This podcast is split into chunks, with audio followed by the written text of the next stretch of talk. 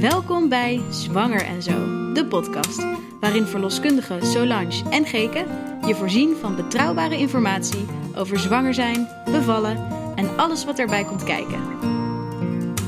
Eerste keer of al lang bekend, wat komt er op je pad nu je zwanger bent?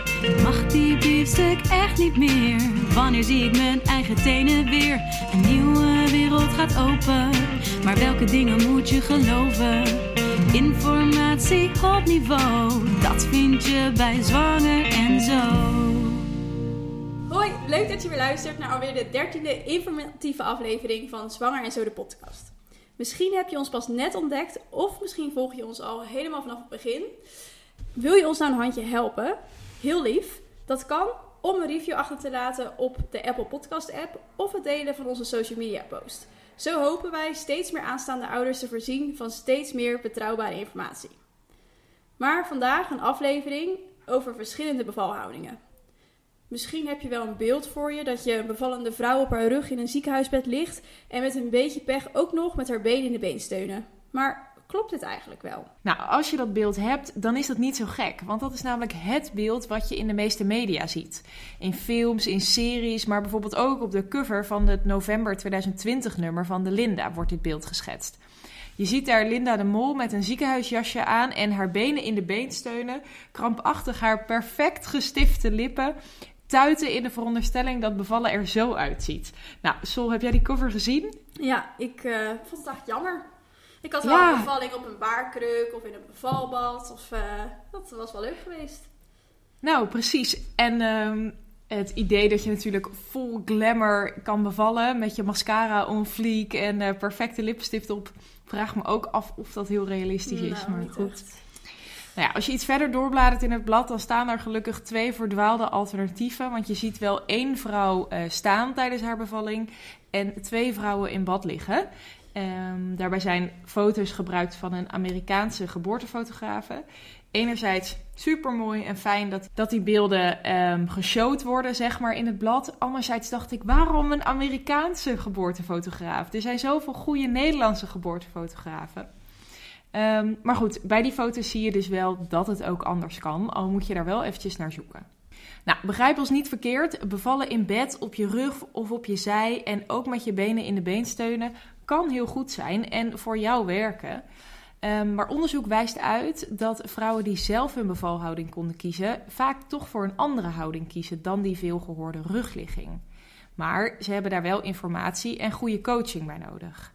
Wij vinden het als verloskundige vooral belangrijk dat je weet dat er alternatieven zijn en dat je tijdens de bevalling de vrijheid krijgt een houding aan te nemen die jou helpt. Over alle opties, mogelijkheden, voor- en nadelen, daar gaan we je vandaag iets over vertellen. Maar eerst het vragenvuur. In één minuut de antwoorden op de belangrijkste vragen van het onderwerp van vandaag. Dit is het vragenvuur. Is liggend bevallen de standaard? Voor ons als verloskundigen zeker niet. Maar de Deliver-studie uit 2011 gaf aan dat 85% van de vrouwen liggend op haar rug bevalt. In het ziekenhuis is het zelfs 93%. Ook het beeld in de media doet dit vermoeden.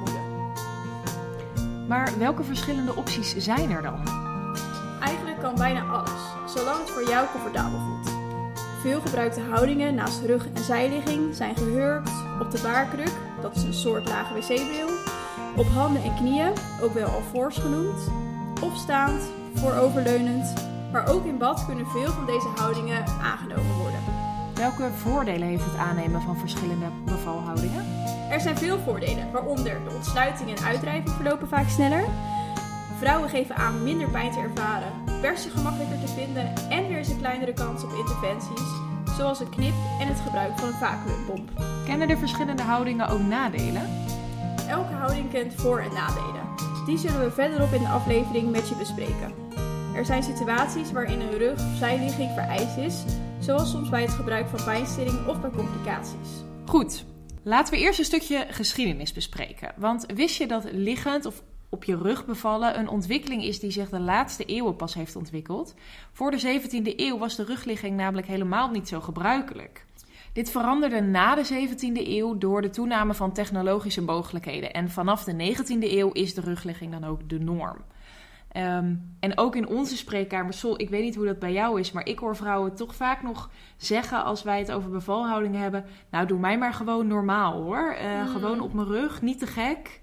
Ja. Ehm, nou, ik vind het dan altijd wel extra leuk om daar even het gesprek aan, uh, over aan te gaan. Want wat is nou eigenlijk normaal en wie bepaalt dat? Mhm. Hoe doe jij dat bij uh, bijvoorbeeld het bevalgesprek?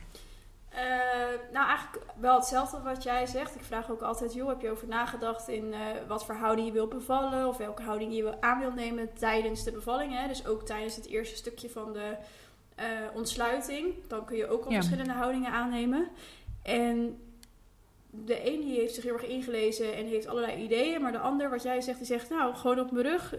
gewoon zoals het hoort. En dan nou, ga je er ook altijd over in gesprek van, ja, maar is dat dan wel hoe het hoort? En heb je er ook over nagedacht dat er ook andere mogelijkheden zijn en dat dat juist ook heel veel voordelen heeft? Ja, ik laat daarbij vaak de, de online folder zien van onlineverloskundige.nl. Oh ja. Of ik hou hun website er even bij, want de KNOV, onze beroepsvereniging, heeft er een mooie folder over met een beetje cryptische plaatjes, vind ik altijd. Ja. Maar uh, online verloskundige heeft daar iets meer moderne plaatjes bij gemaakt. En uh, nou, vind ik altijd wel mooi. Maar het is goed wat jij zegt, want we hebben het nu heel erg over bevalhoudingen. En dan, dan focus je je automatisch vaak wat meer op dat laatste stukje, op die persfase. Um, en dat zal zo meteen in de mogelijkheden die we bespreken ook wel voorbij komen. Maar tijdens die ontsluitingsfase zijn die verschillende houdingen natuurlijk ook heel belangrijk. Zeker. Het is juist goed om te blijven bewegen, dat bekken te blijven bewegen. Je hoort ook wel eens verloskundigen die hun cliënt nog een keer de trap op en af sturen. Ja, ik moet wel grappig dat je dat zegt. Ja, we gaan het er zo ook over hebben hoor. Maar ik merk heel vaak als ik uh, bijvoorbeeld achter een vrouw sta, haar rug te staan masseren en die vrouw staat over het bed geleund en staat te wiegen, dat ik dan mee sta te wiegen met die vrouw. Ja. Dat ik denk, oh ja, ik doe ook nu mee met de meedans. Ja. maar goed, het is best ontspannend. Nou ja, dat kan inderdaad tijdens de ontsluitingsfase of op een skippybal. Dat uh, vind ik ook vaak. Dan kun je vaak ook die, die wiegende beweging met die heupen heel goed maken. En als ik zo met dat ding onder mijn arm aan kom zetten, bijvoorbeeld in een ziekenhuiskamer, dan kijk, kijken mensen mij altijd een beetje bijzonder aan. Van nou, ik weet niet wat jij van plan bent, maar um, als ik zeg, nou probeer het nou gewoon even en dan zie je ze gaan zitten. En dan zie je echt bijna dat bekken ontspannen en, uh, en een mooie houding aannemen. Ja. Nou ja, weet je, ik zeg ook altijd, laten we het gewoon proberen. Is het niks, dan uh, ben je er zo weer af. Ja, inderdaad. Maar laten we dus eens kijken naar wat dan voordelen zijn van die houding. Want het, net zoals een skippybal, het heeft heel veel voordelen. Dus we dachten, laten we gewoon dat eens met jullie nalopen. Van al die verschillende badingshoudingen. Want onderzoeken maken vaak onderscheid tussen de rugligging en andere houdingen. En hieronder vallen dus de zijligging, verticale houdingen. En onder verticale houdingen uh, zien we dus gehurkt, zittend, staand en alvors. Dus op handen en knieën. Uh, maar goed, de voordelen van andere houdingen voor het lichaam. Dus als we kijken naar het lichaam, dan kan zo'n verticale positie uh, werken voor de zwaartekracht. Dat kun je je voorstellen. Op het moment dat je gaat zitten, dat je dan de zwaartekracht meewerkt. En dat je dus je kindje uh, dieper in jouw bekken kan zakken. Maar ook tijdens het persfase, dat jouw kindje ook beter kan indalen. Um, mijn uh, stagebegeleider zei ooit van ja, uh, poepen doe je toch ook niet liggend? En toen dacht ik, ja, dat is eigenlijk wel waar. Heb je op zich punt. Ja, ja. en natuurlijk, als het fijn voelt, is dat natuurlijk helemaal oké. Okay. maar vaak als je vrouwen, wat Geke ook aan het begin zei, een houding zelf laten kiezen, dan gaan ze toch wel een andere houding opzoeken dan liggend op bed. Nou ja. Uh, een ander voordeel voor het lichaam is dat het een krachtige en effectievere weeën geeft. Nou, dat is natuurlijk ook altijd een voordeel. Um, en, daarnaast, um, en daarnaast krijg je dus meer ruimte in je bekken, waardoor je kindje dus ook weer beter kan zakken. Dat hebben we ook besproken met uh, de aflevering over de uh, bekkenklachten, waarin we met Gera Leidens in gesprek gingen. En die geeft ook aan, het is zo belangrijk om die verticale houding ook aan te nemen voor jouw uh, bekken en bekkenbodemspieren. Nou ja, en naast dat, um, dat afwisselen in houdingen en dus een andere houding dan de rugligging voor je lichaam um, voordelen kan hebben, kan het ook het verloop van de bevalling voorspoedigen. Een andere houding kan namelijk als voordeel hebben dat je een kortere persfase hebt. Dat zien we vooral bij vrouwen die bevallen van hun eerste kind. Moet ik zeggen dat ik dat vaak doe bij een eerste kindje met persen van elke 10 minuten kwartier even een andere houding aannemen. En nu we het er zo over hebben, is dat misschien leuk om te vertellen dat ik laatst een thuisbevalling begeleide bij een um, dame die eigenlijk hartstikke vlot ontsloot. Um, maar die persfase was echt flink pittig. En op een gegeven moment waren we een uur aan het persen thuis. En dat kopje zat toch nog vrij hoog. En toen dachten we, nou, we gaan toch nog even een keertje op de baarkruk. En toen voelde je echt dat hoofd eh, zeg maar naar beneden zakken. En zij zei dat ook. En laatst ook nog een keertje bij een ehm, vrouw die van haar tweede kindje ging bevallen. Die zei, ja, het lukt me niet helemaal. Ik zeg, zullen het gewoon eens gehurkt proberen? Nou, hurk dat bed uit. En gelijk een wereld van verschil. Ja, dat is bijzonder. Hè? Dat is echt een. Uh, je ziet ook meteen als vrouwen zich niet comfortabel voelen met liggen, maar dat dus doen omdat dat beeld er is geschetst. En als je dan dat voorstelt, dat je dan uh, uh, zo'n bijzonder effect ervan ziet. Ja, nou ja, die laatste mevrouw die had dus wel echt voor ogen van als het kindje geboren wordt, dan wil ik in bed liggen. Maar toen mhm. voelde ze dat het dieper kwam. En dat is natuurlijk bij een tweede wel iets anders dan bij een eerste vaak. Maar toen is ze alsnog op bed gaan liggen en is daar uiteindelijk het kindje geboren. Maar, nou ja, dat kan natuurlijk ook. Ja. ja. Nou ja, daarnaast is het als voordeel voor de bevalling dat er een lagere kans is op een knip of op een kunstverlossing.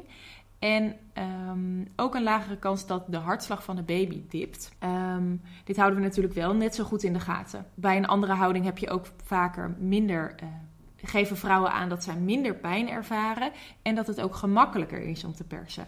En daar kom je eigenlijk bij wat Solange net ook zei. Ja, poepen doe je ook niet liggend. Dus bijvoorbeeld op een baarkruk, als je daar gaat zitten, is dat voor vrouwen dan heel natuurlijk om dan druk mee te geven. Terwijl als zij op hun rug liggen, dan is het vaak nog even zoeken van, oh, hoe doe ik dit nou precies? Ja, en daarnaast is een uh, zelfgekozen houding of de bijbehorende vrijheid dragen over het kiezen van je houding. Dat draagt dus weer bij aan je positieve bevallingservaring. En voor sommigen ook aan een beter emotioneel welzijn na de bevalling. Dus dat is natuurlijk ook een mooi effect ervan. En daarnaast uh, uh, controle op de bevalling door het zelf kiezen van houdingen vermindert ook het schaamtegevoel van vrouwen. Nou, dit is een hele opzomming aan voordelen. Dus zoals je al hoort, zijn wij flink fan van het aannemen van verschillende bevalhoudingen. En uh, is voor ons op je rug eh, bevallen zeker niet de standaard. En gaan we graag met je in gesprek ehm, over wat er allemaal nog meer kan. Ehm, er kunnen echter situaties zijn waarin een deel van deze houdingen niet altijd mogelijk is. Dat kan bijvoorbeeld bij het gebruik van pijnstilling.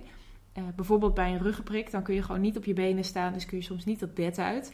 Ik vind het dan nog wel een uitdaging om bijvoorbeeld wel te kijken of iemand op handen en knieën kan. Of dat je het ziekenhuisbed zo kan manoeuvreren dat, het, dat je wel een soort van kan zitten.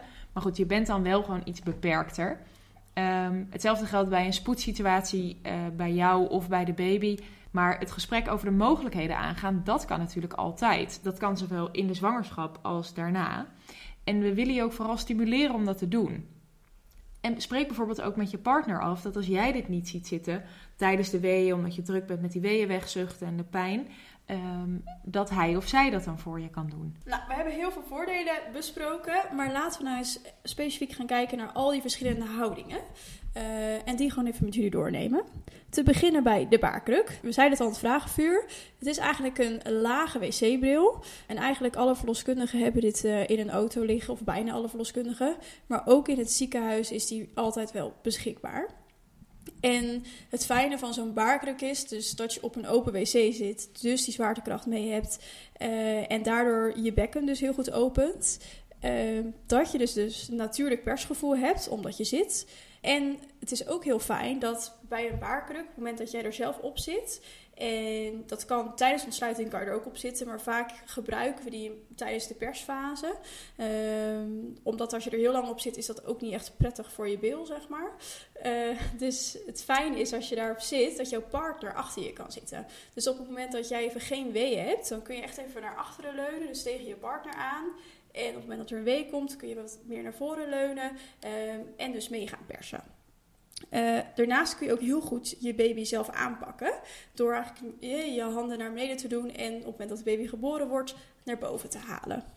Uh, nou ja, dat is dus een voordeel van een baarkruk. Maar eigenlijk met gehurkt, staand, heb je dezelfde soort voordelen. En dan kunnen ook partners er of achter staan of ervoor staan. Waardoor je dus weer die bewegingsvrijheid hebt. En dat is iets wat je dus heel erg goed ook tijdens je ontsluiting kan doen. Dat je echt om je partner heen kan hangen en lekker kan heupwiegen. Dus over die heupdans uh, waar we het net over hadden. Omdat je. We gaan automatisch uh, ja, allebei ik, al meedoen. Zeggen, ik doe al mee. Ja.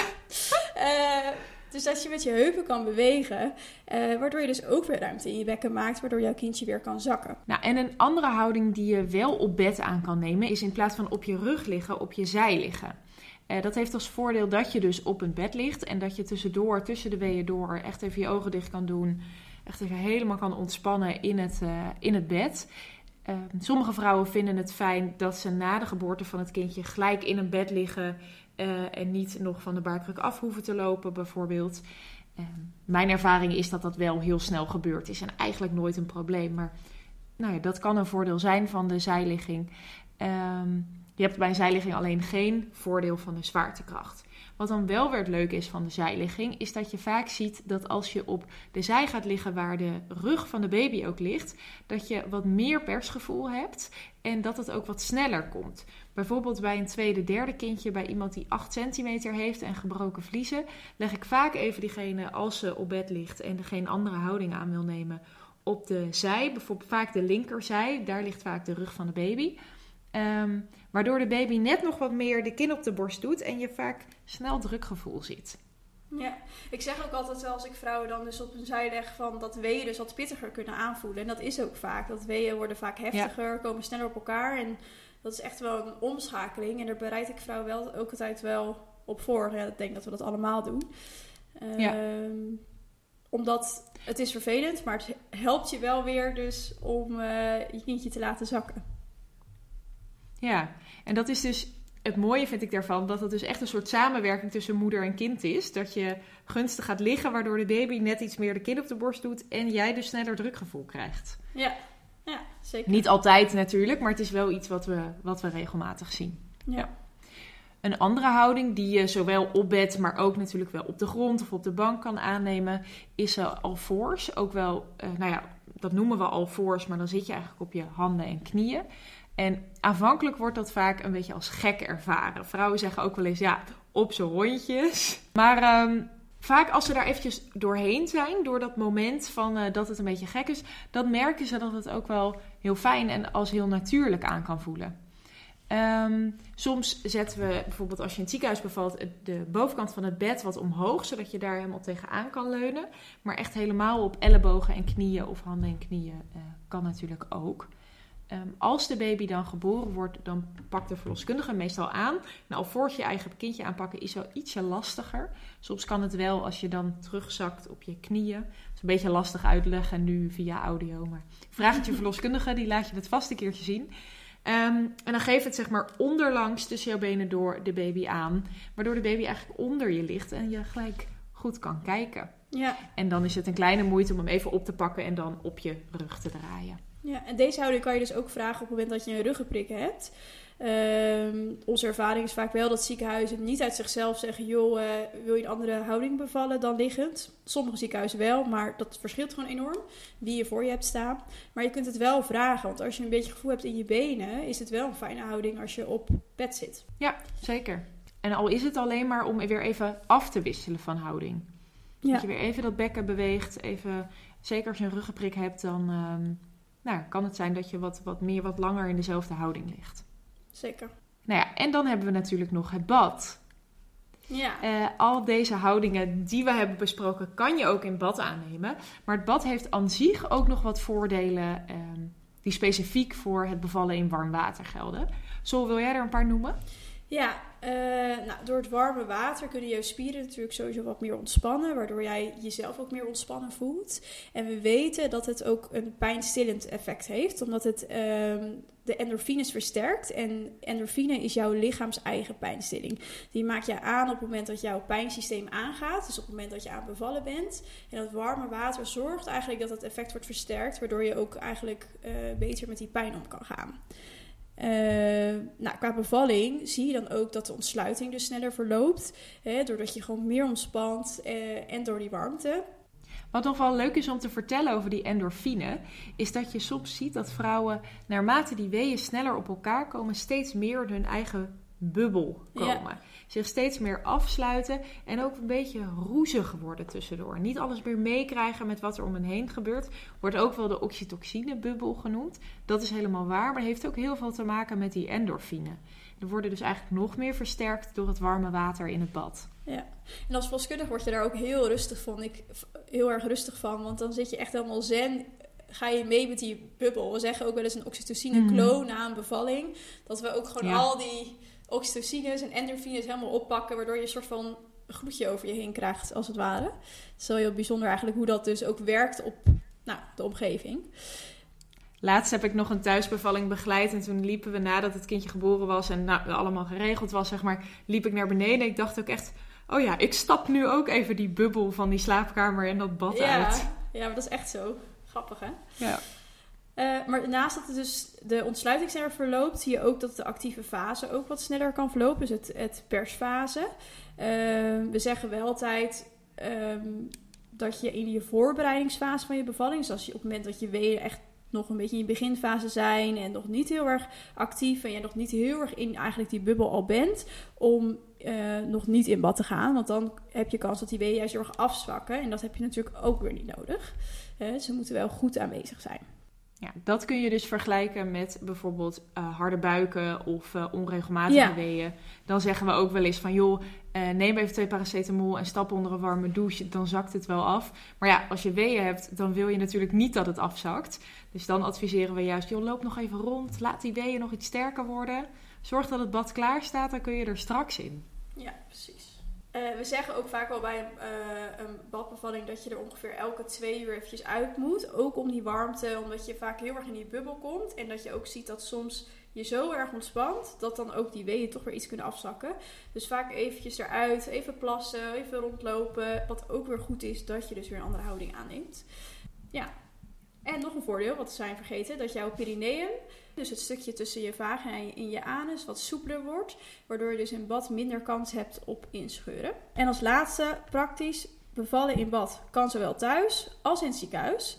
Eh, het is wel altijd handig als je thuis bevalt dat er ook ergens in de buurt of een bank of een bed is. Dat als je verplaatst na de bevalling, dat je dan ook makkelijk eh, het bed op kan. Bijvoorbeeld voor de geboorte van de placenta als die nog niet in bad geboren is. Daarnaast hebben heel veel ziekenhuizen hebben een vast bevalbad. Maar er zijn ook opblaasbaden die je kan huren of die je kan meenemen. Dus vraag dat ook even na bij je eigen verloskundige wat daarin de mogelijkheden zijn eh, in het ziekenhuis. Nou, en waar eh, voordelen zijn, zijn natuurlijk ook altijd nadelen. We hebben een hele hoop voordelen met je besproken. eh, en we lopen nu nog een paar misvattingen langs over verschillende nadelen. Ehm, waaronder bijvoorbeeld een rugligging geeft minder kans op perineumschade. Dus inscheuren of schade door een knip. Nou, Solange vertelde dus even dat dat bij het bad zeker het geval is. Maar het idee dat dat bij een rugligging ook het geval is, dat klopt niet helemaal. Sterker nog, uit onderzoek blijkt dat in rugligging de kans op een knip hoger is dan in de andere houdingen. De kans op inscheuren lijkt ietsje groter in een verticale houding, bijvoorbeeld op de baarkruk staand of gehurkt. Ehm, maar als je dan weer kijkt naar eh, echt een hele diepe scheur, ook wel een totaalruptuur genoemd, dat verschilt dan weer niet tussen de eh, verticale houding en de rugligging. Nou, iets anders wat je wel eens hoort over een verticale houding is dat een rugligging te veel bloedverlies voorkomt. Oftewel dat je in een verticale houding meer bloedverlies zou hebben dan in een rugligging. Dat is gedeeltelijk waar. Onderzoek wijst uit dat bij een verticale houding je wel een iets hogere kans hebt op meer bloedverlies. Maar het is niet helemaal duidelijk of dat ook echt zo is, of dat het vooral meer geschat wordt. We weten dat wij als verloskundigen eh, lang niet altijd het bloedverlies echt meten. Dat doen we door matjes te wegen, maar dat het vaak nog gewoon ingeschat wordt. En nou, ik herken dat wel. Onder mijn baarkruk staat een, een ijzeren eh, bak. En daar hoor je dan het bloed invallen. Dat, dat hoort en dat, dat klinkt. En dat ziet er altijd meer uit dan dat je het ene naar het andere zelfstofmatje eh, verandert. Ja. Maar het zou dus kunnen zijn dat je door die verticale houding, waar, wat je eh, kindje helpt met de zwaartekracht, dat, het ook, dat je daardoor ook iets meer bloed verliest. Ja. En wat er ook vaak wordt gezegd is dat eh, op het moment dat vrouwen in rugligging bevallen, dat het, dat, dat voor zorgverleners meer overzicht en een betere werkhouding geeft. Nou ja, dat is gedeeltelijk waar. Natuurlijk geeft het een betere werkhouding, want eh, als verloskundige op het moment dat je iemand in bad zit of op een baarkruk, dan wringen we in ons in allerlei houdingen en we duiken eronder. En dat ik soms denk, oh, dat is niet heel arbotechnisch. Maar we vinden dat ook geen probleem. We weten ook dat uit, onderzoek uh, uh, is dat het merendeel van de verloskundigen bereid is vrouwen te helpen in houdingen die voor hunzelf oncomfortabel zijn. En daarnaast zijn er ook creatieve oplossingen om bij een bad of een verticale bevalling ook aan onze eigen rug te denken. En het belangrijkste is natuurlijk dat dit voor jou geen reden uh, uh, moet zijn om niet voor jouw eigen houding te kunnen kiezen. Nou, dan hebben we het belangrijkste wel besproken, denk ik, van al die verschillende ja. houdingen. Zeker, leuk. Uh, ik denk dat het goed is om, om vooral hier ook even een beeld bij te hebben. Weet je, als je nog nooit iemand op een baarkruk hebt zien zitten of hoe dat er nou precies uitziet, um, ga dat vooral even opzoeken. Wij zullen dat ook wel even delen op de Instagram-pagina en nou, misschien kunnen we even linken naar die poster van de online verloskundige waar we het in het begin van de podcast uh, ja. over hadden. Zodat je naast de audio ook iets meer zicht erop hebt. Ja, en ik denk dat het gewoon het belangrijkste is dat je de houding aanneemt die voor jou goed voelt. En dat je eens kijkt, nou wat vind je fijn? Dat kan al in je zwangerschap, hè? dat je eens wat oefent ermee. Um, en als dat op jouw rug bevallen is, is dat ook helemaal prima. Uh, maar weet gewoon dat je daarin verschillende opties hebt en dat je daar vooral gewoon lekker je eigen lijf in moet volgen. Nou, precies. Niks meer aan toe te voegen. Leuk dat je weer luisterde naar dus alweer de dertiende informatieve aflevering van Zwanger en Zo. Nog maar één informatieve aflevering en dan zijn we alweer aan het einde van het jaar en van het eerste seizoen van deze podcast gekomen. Maar voordat we het jaar afsluiten hebben we eerst nog een leuke verrassing voor jullie. Daar kunnen we nog niet alles over verklappen, maar wij zijn er wel heel enthousiast over. Hou vooral onze socials in de gaten, dan ben je de eerste die op de hoogte is. Tot de volgende keer. Tot de volgende keer. Dit was de podcast voor deze keer. Meer zwanger en zo? Je kunt ons volgen op Instagram, Facebook of onze website zwangerenzo, Tot de volgende keer.